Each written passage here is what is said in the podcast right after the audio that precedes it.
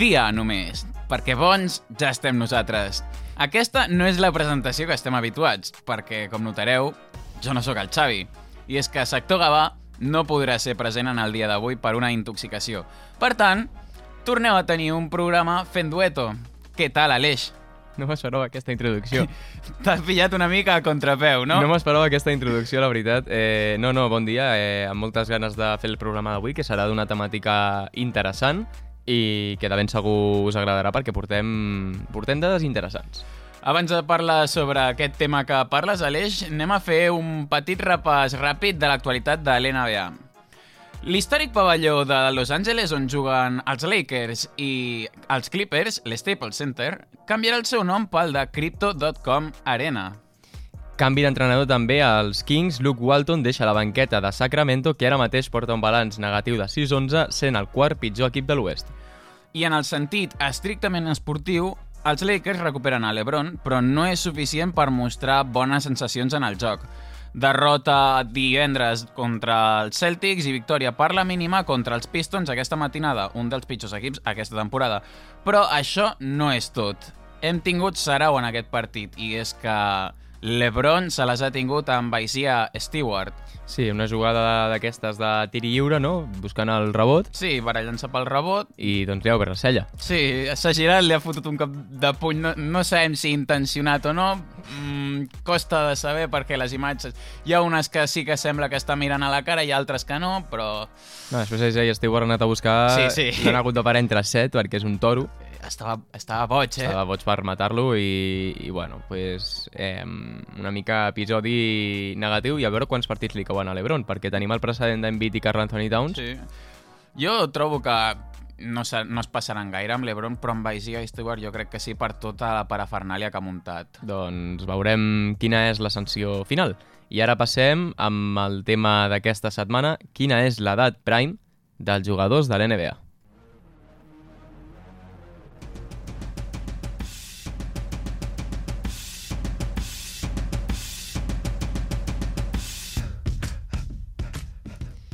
Doncs directament, el tema d'aquesta setmana que m'acabo d'anunciar. Quina és l'edat prime dels jugadors de l'NBA? Parlarem del que coneixem nosaltres actualment, dels jugadors que coneixem i d'alguns que històricament doncs, també ens sonaran i us sonaran a tots, jugadors que són de la Lliga i que per una cosa o altra doncs, han tingut una explosió al seu joc prematura, tardia o constant. Això dependrà de, de cadascú i de la seva carrera i llavors doncs, veurem què és el més normal, quina és la dinàmica actual de la Lliga, si hi havia alguna dinàmica anterior, que ja us avancem que hi haurà alguna diferència, i, i doncs a veure com va tot això. Primer, com has dit, Aleix, parlarem dels casos en què els jugadors han tingut una explosió prematura, dels jugadors que tenen un nivell molt, molt ràpid d'explosió. Que arriben a la Lliga i comencen com unes bèsties. Exacte. Aquells que tan sols arribar a la Lliga exploten, però caldrà veure si poden mantenir aquest nivell durant tot el temps. Tot i això, a dia d'avui tenim un, bot, un bon grapat de noms per posar en aquesta llista. Parlem de tota la camada de noms dels Luka Doncic, Devin Booker, Trey Young, Tatum, Donovan Mitchell... És noms que han explotat super ràpid a l'edat de 22-23 anys, Aleix, i... Bueno, mm, Booker, per exemple, sense anar gaire més lluny, va arribar a les finals de, de l'NBA l'any passat. Mm -hmm. Trey Young va portar Atlanta a, a finals de conferència ell solet, pràcticament. Tatum, què hem de dir de Tatum? Un jugador espectacular. Luka Doncic, cridat a ser el nou Goat de, de la Lliga. Donovan Mitchell també fotent numerassos a playoffs. Són jugadors molt interessants de veure. Aquí hi ha moltes coses a tenir en compte i hem de jerarquitzar-les una mica. Primer de tot, que tenim precedents de jugadors eh, que històricament van començar sent un boom a la Lliga, que tenen una forma de jugar similar a alguns d'aquests jugadors i que per tema de lesions, sobretot, doncs van acabar troncant la seva carrera. L'exemple més clar, Derrick Rose, Sens dubte. que va ser no sé si és... Eh, és l'MVP més jove no? de la història de l'NBA amb 21 anys i no sé quants és, mesos. És l'any següent d'entrar de, a, la, no, no. a la Lliga o dintre de dos? El, el tercer any era... Doncs el tercer any va ser MVP i i fent números bestials, eh? Sí, i a mi em sap... O sigui, la comparació, i em fa molta por perquè és un jugador que m'agrada molt, la comparació a nivell de joc, eh? l'equiparo bastant a Ja, Jamoran. ja, sa- ja sabia que L'equiparo per aquí. bastant a Jamoran en el joc atlètic, Mm. eh, doncs molta força a l'hora d'entrar canasta. Punt, eh, puntualitzar aquí un moment que Jamoran és el jugador amb millor percentatge de tir de camp i més presència a la pintura. Sí. sí Sent sí. un base. Sí, és espectacular. O sigui, I hi havia reports que deien, abans que entrés a la Lliga, no sabem si podrà arribar a competir amb els grans pivots dins de la pintura. Toma, el Doncs- tercer any ja està fotent-los allà. doncs bàsicament els està fotent a caldo, eh, per tant, és lo que hi ha. I, I és una mica aquesta comparació, no? Perquè, clar, al final és un jugador que té molta potència física, però que també pateix molt de genoll. Al final és un tipus de joc que pateix, igual que Zion, per exemple. Sí, I, per tota l'explosivitat de saltar contra la cistella i després caure, haver de caure bé... Per tant, són jugadors que, tot, amb aquest esforç físic i l'edat que tenen, poden tenir molt potencial, com el tenia Derrick Rose, però també poden tenir, esperem que no, una curta vida a nivell de si tenen una lesió greu, com la que va tenir Derrick Rose, però bueno, tenen un potencial molt gran. Zion, que l'acabes de, de mencionar, no sé si en parlaràs més endavant, però All-Star el segon any de Lliga, amb 20 anyets, no? El hype, eh? Sí, sí, el hype, però clar, l'any passat hi havia moltes lesions, ell estava, És l'oportunitat perfecta en el moment perfecte. est estava promitjant 27 punts per partit, doncs All-Star més que merescut, amb 20 anyets. Sí, sí, no, és, és al final, al nivell prematur de la Lliga, veurem... Clar, ara, ara al final tu mires la llista. Luka, Trey, Tatum, Mitchell, Zion, Ja... Eh, La Melo, per exemple. la Melo, eh, Anthony Edwards... Ara tot indica que poden mantenir aquest nivell. Sí, o que poden inclús augmentar-lo. Augmentar-lo, perquè, per exemple, Luka té bons números, però a nivell d'equip ha Sí. d'augmentar. Sí. Trey, Trey Young, si Atlanta és competitiu, és un jugador que fàcilment el pots veure en les finals. Sí. Tatum amb Celtics igual. I... Donovan Mitchell, Zion Williamson encara li queda una evolució bestial. Ja Morant també amb equip. O sigui, a nivell individual estan donant molt, però també com a, com a jugadors d'equip segur que poden donar més. Exacte. Ha- Han fet com l'explosió a nivell individual, però encara els hi falta fer aquest canvi de mentalitat que els ajudi a jugar en equip, bueno, jugar en equip, que, acom- que l'equip els acompanyi. Sí, és una mica retroalimentar, sí, no? Eh, exacte. Llavors, I, a- I poder competir. A nivell històric, també tenim eh, exemples de jugadors, que ja veureu que també els tindrem a una altra categoria, perquè és obligatori posar-los, que van arribar a la Lliga i van tenir un impacte brutal Sí. el seu inici. Kobe Bryant, per exemple, Espectacular, amb 18 anys arriba a la Lliga. El primer any sí que és una mica més fluixet, però després explota i fa el three-peat amb, amb Shaquille. uh -huh. eh, després tenim també a, bueno, LeBron, LeBron. eh, sí. Car Carmelo Anthony, Un altre. eh, Allen Iverson, que quan va entrar també ja va començar com una bèstia als dos anyets, o sigui, Mm. jugadors molt tops. Què passa? Que aquí hem de fer una consideració, perquè històricament doncs hi haurà jugadors de la- de l'època de Hakim Olajuwon i aquesta gent que no coneixem tant, Mm. però aquí hi havia una cosa... Compte, compte a Michael Jordan, eh, que quan entra a la Lliga, 28 punts per partit sent rookie, eh? Ell solet. Bueno, doncs l'exemple, per exemple, a Michael Jordan, abans de, uh, de la camada de Kobe Bryant, el Sí. 1996-97, que és quan entra també Allen Iverson, eh, els jugadors podien entrar a la Lliga més joves que ara mateix. No era al revés que... No, o sigui, era més que podien entrar més joves, per això els rècords pre- de, de, prematuri, de, de jugador prematur se'ls se amb- emporten els jugadors dels 90. Amb Kobe Bryant, Amb Kobe Bryant i i després gent. fins a l'Ebron, més o menys, Exacte. no? I després, a partir del, del 2005, si no vaig errat, entra la regla de la necessitat, que és que els jugadors accedeixen a partir del, de, de 19 cap endavant. És Sí. a dir, no, no es deixa que els jugadors entrin abans dels 19, que és el que passava, que hi havia alguns jugadors que entraven Exacte. i s'emportaven rècords de... El més jove en anotar, tal. Sí. Què passa? Perquè pues, entrava amb 17, 18, no sé. 18, crec que era. El cas de Kobe, si no vaig errat, crec que són... No sé 18 si són poc, 18 anyets sí. que entra a la Lliga. Doncs al final, rècords d'aquests, rotllo, a l'All-Star més jove, Mm. doncs ve per aquí. Per tant, el, el, és una puntualització que ja la, eh, el nivell prematur d'aquesta gent, històricament, és més prematur que els que estem Sí. veient ara mateix. Casos com els de l'Ebron, Carmelo, Kobe Mhm. Bryant, entren directament des del high school. Sí, sí. No passen per la universitat. Ara és obligatori. Clar, un anyet i després cap a l'NBA, però Exacte. madura una mica. I la pregunta final d'aquest bloc, la reflexió final és... Bueno, ja és una reflexió i té una interreflexió dins. Jo aquí vull introduir el concepte de la generació perduda, Vale, sí, m'agrada. que considero que, que està des dels anys 2012-2013, Sí? que són els drafts d'Anthony Davis, Damian Lillard Aquest i, posaríem que és l'últim. I Giannis, Giannis 2013. Vale, és, sí. una, és una excepció al draft de Giannis perquè Sí. Giannis surt en un pic baixet Clar. i els jugadors que estan al pic alt Som- no valen la pena. Sí. Llavors, eh, posant 2012-2013 fins al 2017, 16-17, 16 posem, jo posaria. hi ha uns 3 anyets on només desta- destaquem a Joel Embiid Sí? i a Devin Booker. Sí, exacte. Perquè La- després estan, per exemple, eh, eh Carl Anthony Towns, Sí. D'Angelo Russell, Zach Lavin, Andrew Wiggins. Andrew Wiggins, Julius Randle, amb jugadors que a curt termini no han demostrat mm, sense Embiid i Booker, eh? els posem Sí. una mica apartats, que són les excepcions, però drafts de jugadors que no han vingut a trencar la lliga. Exacte. Són jugadors que tenen un bon nivell, Sí. però que no portaran el seu equip ells solets a les finals. Tenim la generació de Kobe, LeBron, Iverson, Melo, tota aquesta gent Sí. que ja va entrar a la lliga i va entrar destrossant la lliga, Sí, va sí. entrar dient, ei, estic aquí, Després- som la generació. Després arriba la generació Kevin Durant, Stephen Curry, James Harden, Russell Westbrook,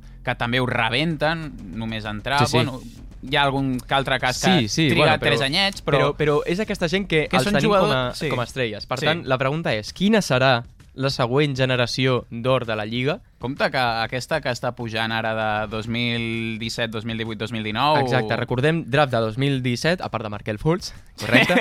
eh, tenim... A... Prou, no, no, no, un moment, prou, prou, Aleix. Sempre hi ha el moment de Viv a Orlando. És la, la pinteta de cada, de cada episodi. doncs tenim a Bama de Bayo, Jason Tatum, eh, Donovan Mitchell, 2018 Doncic, Trey Young, després tenim Shai Gilgeous a Alexander. Shea, tenim a Ja, tenim a Zion, ja estem venint més a prop, eh? Sí. O sigui, és tota aquesta generació que jo crec que a partir d'aquest 2017-2018 serà la generació d'or, perquè la generació perduda que hi ha abans, que també coincideix amb el prime de jugadors, que ara comentarem Clar, després, que sí, són sí. molt bons, doncs els acaba eclipsant. Sí, I si potser són jugadors que havien de venir a donar el 100% a la Lliga, igual tenen alguns davant, per exemple, Julius Randle va estar als, va estar, Lake- va estar als, Le als va estar Lakers? als Lakers, però no sé si va coincidir amb, amb l'Ebron. No, no, no, no, no, no, no. Però coincidiria, suposo que amb Kobe, amb els No. últims Sí, amb els últims anys de Kobe. Vale, pues, són jugadors que potser arriben i coincideixen amb algun jugador, per exemple, eh, Carl Anthony Towns i D'Angelo Russell, jo crec que haurien de coincidir amb Jimmy Butler. Sí, sí, de fet, Jimmy Butler... Sí, va tenir mal rotllo. Sí, va tenir-les allà. O sigui, a, ens, ens venim a referir a que venen jugadors que... Eh, bueno, gràcies a l'ordinador per fer aquest títol random.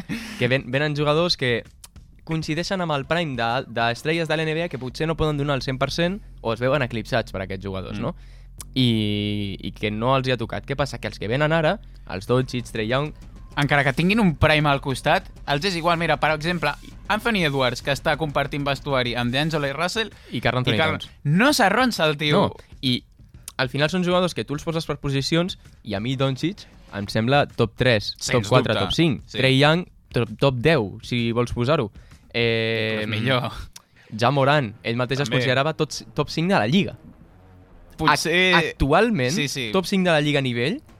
Actualment, és actual- bona pregunta, ara, eh? Ara mateix, eh? És bona pregunta. Clar, són jugadors, que, són, són jugadors que ara mateix els podem considerar tops. Els, anter, els anteriors d'aquesta generació ens costa ficar-los. Sí, Per tant, és una mica fer aquesta reflexió que aquesta generació, com que ara els Lebron i companyia ja poden començar a caure una mica, mm. perquè és per edat, eh, no per joc, clar, clar. doncs al final és el, és el que els hi toca, no?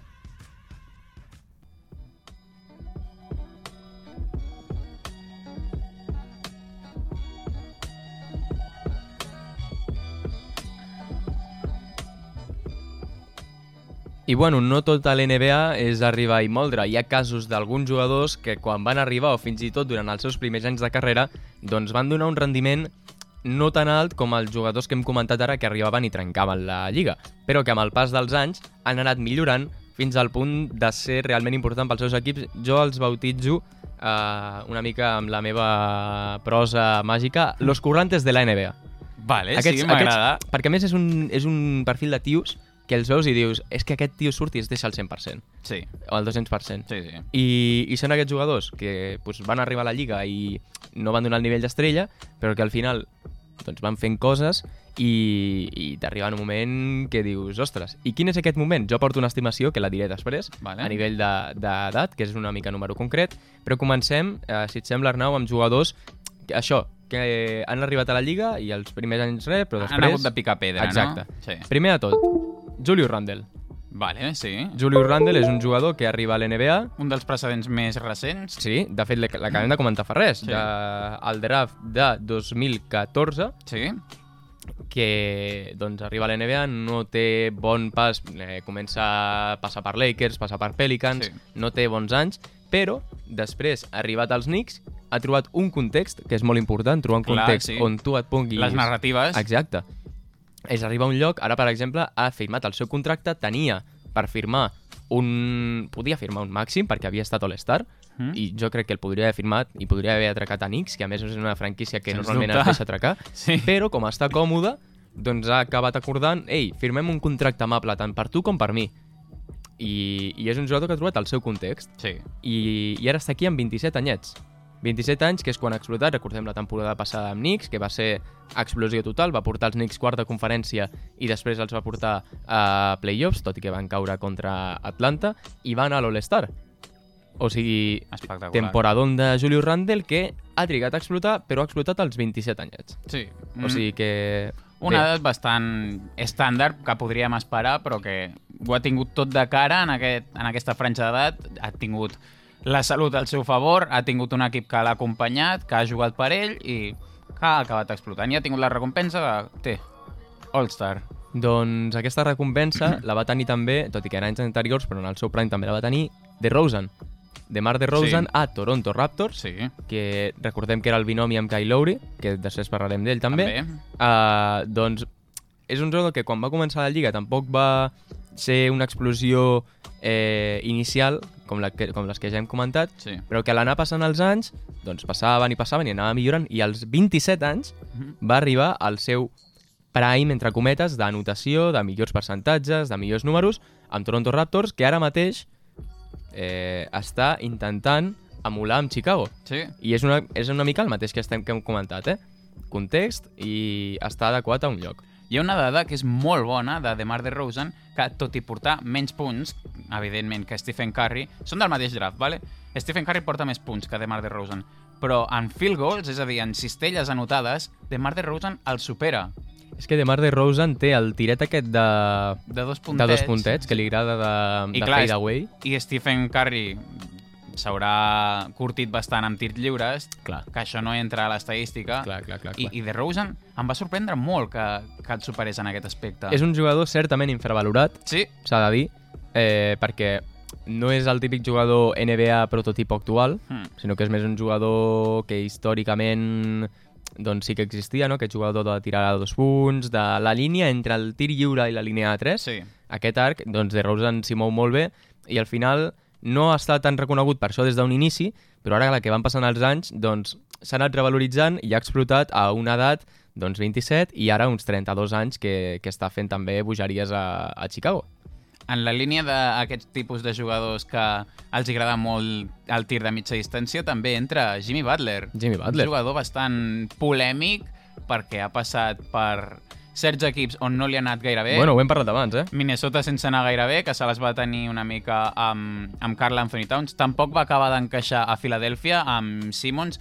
Sí que és veritat que Joel Embiid mm, va, va, va enfadar-se amb, la, amb la franquícia quan el va entradejar. Bueno, de fet, Va considerar que era injusta. sonava, sonava bastant el tema, o va arribar a sonar alguna vegada, al punt de d'invitar a Miami per Butler. Clar, és que tenien molt bona relació entre tots dos i, de fet, quan Butler porta a les finals a Miami, Joel Embiid publica un tuit de, dient «Veus, us ho vaig dir». I said it. Sí, és que tenia molta raó. I és que Jimmy Butler no va entrar a la Lliga destrossant rècords com la... De fet, el primer any van ser 2,6 punts, Imagina't. el següent 8,6, el tercer 13,1, i llavors ja amb el quart 25, ja, ja Sí. guanya el MIP, no? amb 25, 20 anyets, ai, 20 puntets, perdó, per partit, Sí. suposo que guanyarà el MIP Amb- perquè amb és una, Chicago, pro, és una sí. progressió bastant, bastant heavy com a, com a jugador i és això, és una mica la- l'evolució que volem plasmar nosaltres de, de que no comença en el seu top però és que després les temporades de Jimmy Butler a partir dels 24-25 anys no paren fins avui, és a dir, a Chicago, després passa per Minnesota, que és una mica el que ja han dit, no? Eh, que a a Minnesota doncs, no ho va acabar de passar molt bé. I ni, ni a Chicago, perquè Chicago se la juguen molt Acaba, acaba sortint una mica... per la porta del darrere perquè Sí. no, no acaben de quallar playoffs i diuen, doncs pues, tradegem i Chicago s'emporta a Zach Lavin i, i Minnesota a Jimmy Butler. Qui ha guanyat en aquest trade? Evidentment Chicago, Sí. Perquè Minnesota no, no ha acabat d'explotar-ho. Al final amb Jimmy Butler passa el mateix que amb DeMar DeRozan. Amb 27 anys fa la seva millor temporada, amb 23,9 Sí. punts, però és que ara amb 32, igual que eh, eh, DeMar DeRozan, Sí? a Miami està... Com visquent una segona joventut. Exacte. Eh, Són jugadors que, tot i no ser estrelles de la Lliga, exploten i després d'uns anys es revaloritzen Sí. sempre, i est- sempre i quan estiguin en un ambient idoni. Exacte, És, exacte. és, és una mica l'estimació que jo tinc. De 27 a 30 a 32 són 5 anyets que la Lliga al final t'ho deixa, Mm. no? perquè són anys que tens per tu, i, i s'acaba revaloritzant una mica des dels 27 als 32. És, a dir, és a dir, no comencen aviat, però poden acabar tard amb, Sí. el, amb el seu bon nivell. I acabem aquesta llista amb un parell de noms, que ja hem mencionat un d'ells, que és Kyle Lowry, Sí. que al final tampoc és un jugador que és supersonat a la Lliga, perquè no és una estrella com a no, tal, I no fa numerassos. no fa numerassos, però és una segona espasa molt interessant que Mm. tampoc va començar a tope la seva temporada NBA als seus inicis, però Sí. que al final s'acaba revaloritzant i ara el té Miami donant show Sí. i, i aportant molt a la franquícia. I un altre jugador que tenim per aquí, que això ja és més una pedrada meva, Mm. que és Gordon Hayward, Mm. que quan va començar l'NBA doncs, tampoc ni molt menys va arribar amb un impacte brutal, però sobretot a la seva temporada a Utah i les següents a Celtics, que si no s'hagués lesionat a saber què hagués passat, Clar. doncs també jugador molt top, que va arribar a ser també All-Star, amb bons percentatges, típic 3D que et funcionava sobretot tirant des de la cantonada. Sí. Per tant, també a mencionar com a tipus de jugador que, que té aquesta explosió tardia, però que amb 26 anyets doncs, va arribar a ser All-Star. No ha acabat de quallar tant com la resta de noms, però sí que és veritat que ha estat un jugador més que acceptable.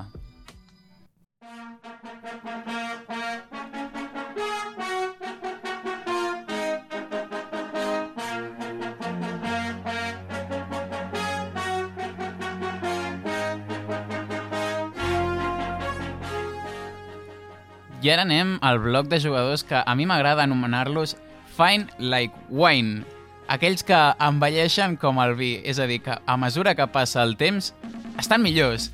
Jugadors que costa de creure que són humans, que des del moment que van arribar a l'NBA van donar un excel·lent rendiment i que a dia d'avui, i tot i que el carnet d'identitat digui que ja són veterans, segueixen aportant al seu equip com si tinguessin 27 o 28 anys. Aquí és on podríem enquadrar els jugadors que hem dit a l'inici si arriba, a, acaben tenint Exacte. una bona projecció a la Lliga. Exacte, si es mantenen. Exacte.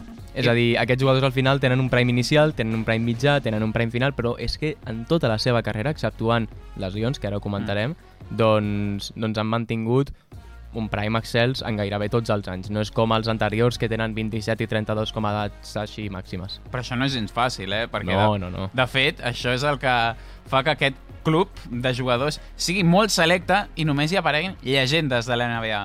Actualment podríem trobar una sèrie de noms que encapçala com no podia ser d'altra manera. Endavant amb la llista. LeBron. LeBron, 19 anys a la Lliga, 17 vegades All-Star. És a dir, els 19 anys que ha estat a la Lliga, 17 ha estat All-Star. És una bèstia. I un d'ells per, perquè estava lesionat i no podia ser-ho. Imagina't. Sí, sí, sí. El tercer any, si no vaig errat. O... 16 All-NBA. O sigui, en, en, i d'aquests 16 All-NBA, 13 en el primer equip. O sigui, imagina't. És que és una borrada. Des del segon any que ja estava a la Lliga, ja va fer més de 27 punts per partit i des d'aleshores que no ha baixat dels 25. És a dir, 18 anys superant els 25 punts per partit. Una borrada. Per això, ara mateix, és el tercer màxim anotador de la història de l'NBA i que va camí de ser el, el màxim. Sí, al final, en quant a projecció, si no vaig errat en... crec que en dues temporades, sí.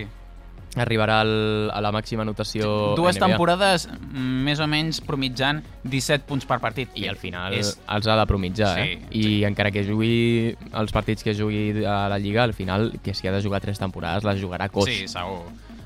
I mira, ara que parlaves dels partits, en tots els seus anys de carrera ha jugat un mínim de 80 partits a la temporada regular, a excepció de l'any passat. 80% dels partits. Sí, perdó, 80% dels partits. Que 80 partits no els juga... Bueno, sí, hi ha 82 partits. Hi ha, hi ha hagut jugadors que sí que han jugat els Sí, però 82. l'Ebron amb 38 no jugarà 80 partits. No, No. jugarà, perquè l'Ebron el diu, No. li diuen l'Ebron, eh, guarda-te, perquè si jugues un mes, igual la temporada següent ja no et veiem, saps? Ai, en, en fi, no sé per on anava. Eh, bueno, sí, que a excepció de l'any passat, que només va jugar en poc més de la meitat, que va ser aquella lesió que el va tenir fora pràcticament la meitat de temporada i que va fer-lo arribar a playoffs a un nivell curtet. Sí. Després de l'Ebron podríem trobar a Kevin Durant. Per mi, petit incís, el, eh, tècnicament el millor jugador de la Lliga. Ja... A, això anirem més, a, més endavant, vale? vale, vale. Un dels millors anotadors de tots els temps. De fet, és el jugador amb menys partits dins del top 19 de màxims anotadors de la història. O sigui, és una borrada, això. Que tinguis menys partits que un fotiment de jugadors, però tinguis tu més punts. Sí, sí, és que és una màquina. 14 temporades a la Lliga. Com l'Ebron, des del segon any ja feia més de 25 punts per partit.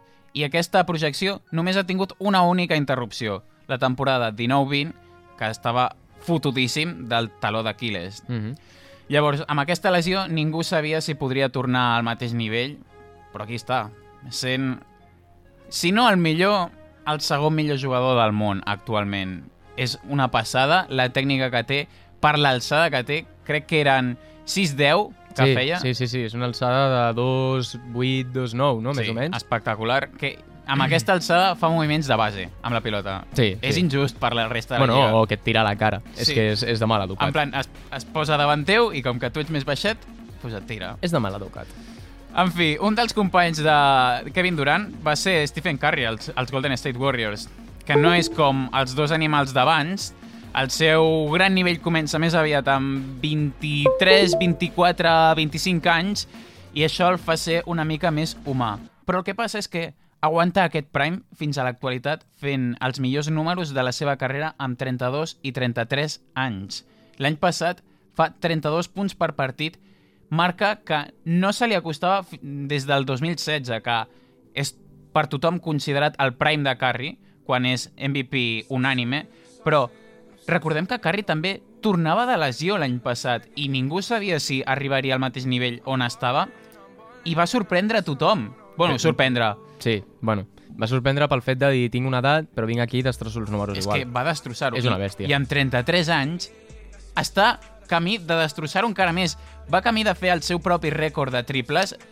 Crec i- que amb el que promitja actualment, crec que la, a la, el seu rècord de triples era 5,3 triples per partit, si no vaig Sí, de l'any passat, precisament. Ara mateix està promitjant 5,8. Imagina't. I per, pel que va el promig, si va, la seva millor temporada són 403 triples, crec... 402. 402. Ara mateix està promitjant 468. Hòstia, Clar. és una borrada. És una, és una borrada, o sigui, és que superes la teva marca per 60 triples. I la destrosses. I la destrosses. O sigui, jo si hagués de fer una aposta, diria que...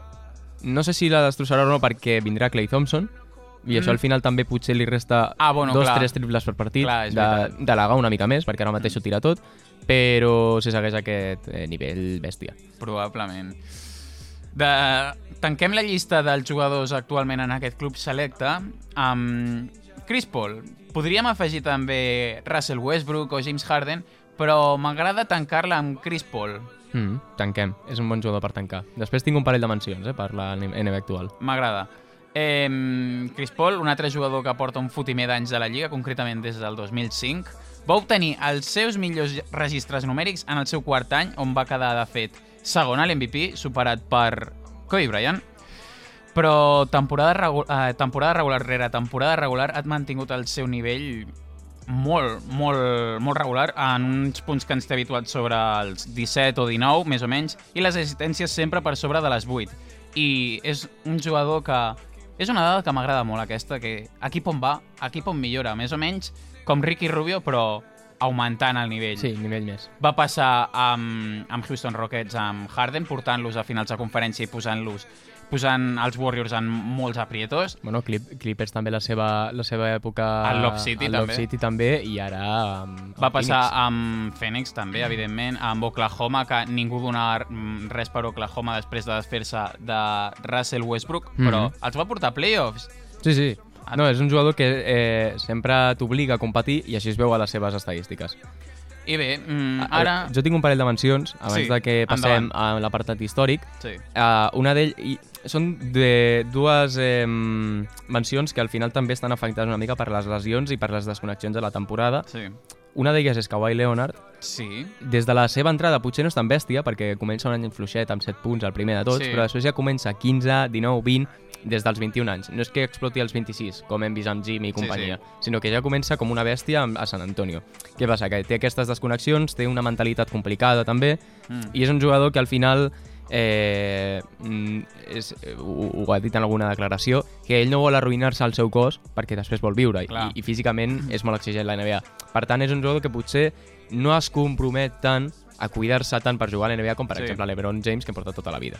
Kawhi Leonard, que tot i no ser tan regular numèricament com la resta de jugadors que hem vist, el tercer any, que és eh, superjove amb 21-22 anys, Sí. guanya l'MVP de les finals, contra Mm. ni més ni menys que l'Ebron. Sí, sí. No fa una temporada excelsa, perquè temporada regular són 14 punts, però clar, després se'n va a les finals i, fa això. I ho rebenta, o sigui, amb 21 anys i, i a, quan realment importa jugar, que són els playoffs, ho rebenta tot, amb 21 anyets. I l'altra menció, que l'hem de mencionar en algun lloc perquè també em sembla un jugador que històricament podria haver estat molt però que va tenir desconnexions i que ara torna un altre cop a estar a l'NBA i doncs, deixa una mica trazos del que va ser, és Carmelo Anthony. Sí. Que Carmelo Anthony va ser també una bèstia des de que va començar, després va tenir problemes de ja no està a la Lliga, tal, no sé què. Però això molt més endavant. Sí, va sí, sí, tenir sí. els seus 12-15 anys Per tant, és un jugador que el podríem posar en aquesta classificació fins que va marxar de la Lliga i ara torna a Lakers un altre cop a demostrar que és un, que, és un jugador que per qualitat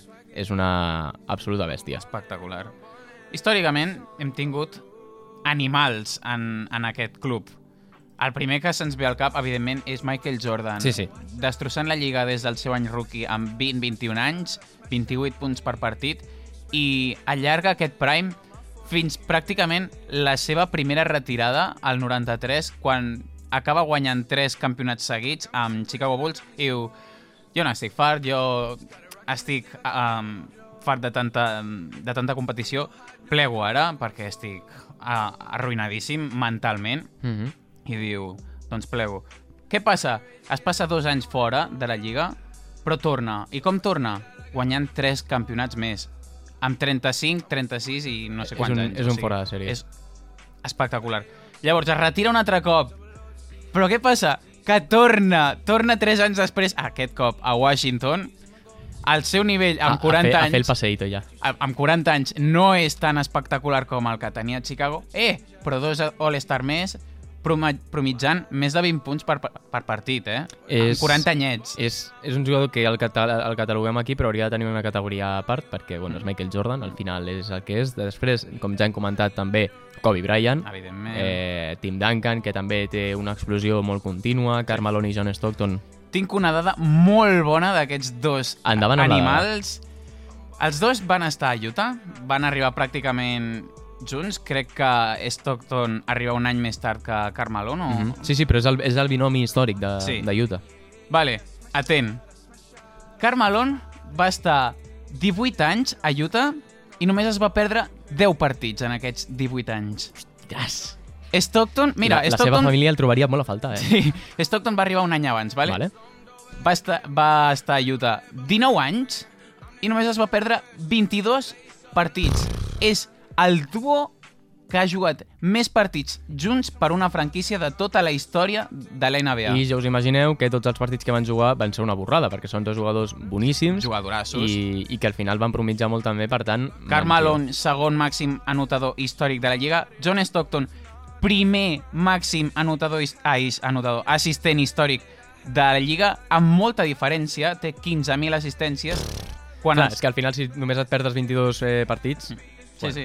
El segon crec que és Jason Kidd amb 12.000, o sigui, li treu 3.000 assistències. Sí, sí. Si algú ha d'arribar, que vagi fent números perquè encara li queda. Espectacular. I altres jugadors històrics també, com per exemple Dwayne Wade, que no ens deixarem tampoc de mencionar, que des de que va començar la Lliga va ser bèstia també. De fet, MVP de les finals al seu tercer any. Menció especial també per Shaquille O'Neal, eh, Kevin Garnett, que també és un jugador que sempre ha mantingut un molt bon nivell a la Lliga, Sí. i després eh, jugadors que també han tingut un impacte inicial que després potser s'ha anat diluint, el cas d'Allen Iverson, que també hem comentat Sí. abans, doncs que històricament l'NBA sempre ha tingut bitxos i el seguirà tenint amb el que ens ve per davant, que també és una generació que tenim moltes i moltes i moltes ganes de, de parlar d'ells perquè donaran molt a parlar.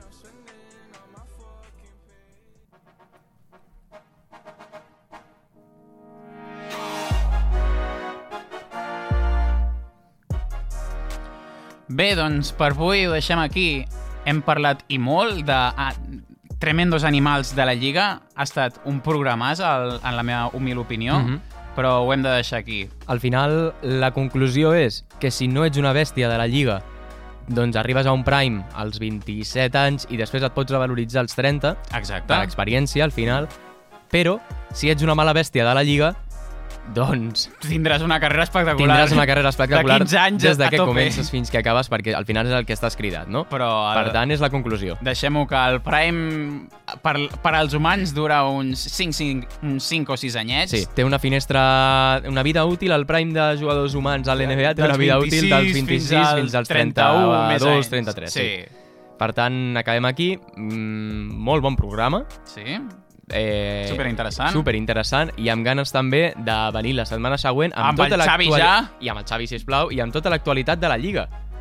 Perquè la setmana que ve Toca repassar toca l'actualitat. repassar l'actualitat. Repàs mensual, que és el primer que farem a Matchday, amb el Xavi aquí si no està intoxicat, Que ja tocava. que ja tocava, i també... No, no, ja tocava que estigués eh, intoxicat. No, Xavi. No, no, no, que Tocava el repàs que mensual. ja tocava el repàs mensual i que estigués aquí i ja us avisem que estem movent alguna cosa per una futura possible incorporació Ah, sí? i no direm més. Ah, sí? Ah, sí? Bé, No direm més. ho deixem aquí. Vinga, adeu-siau. Vinga, fins la setmana que ve.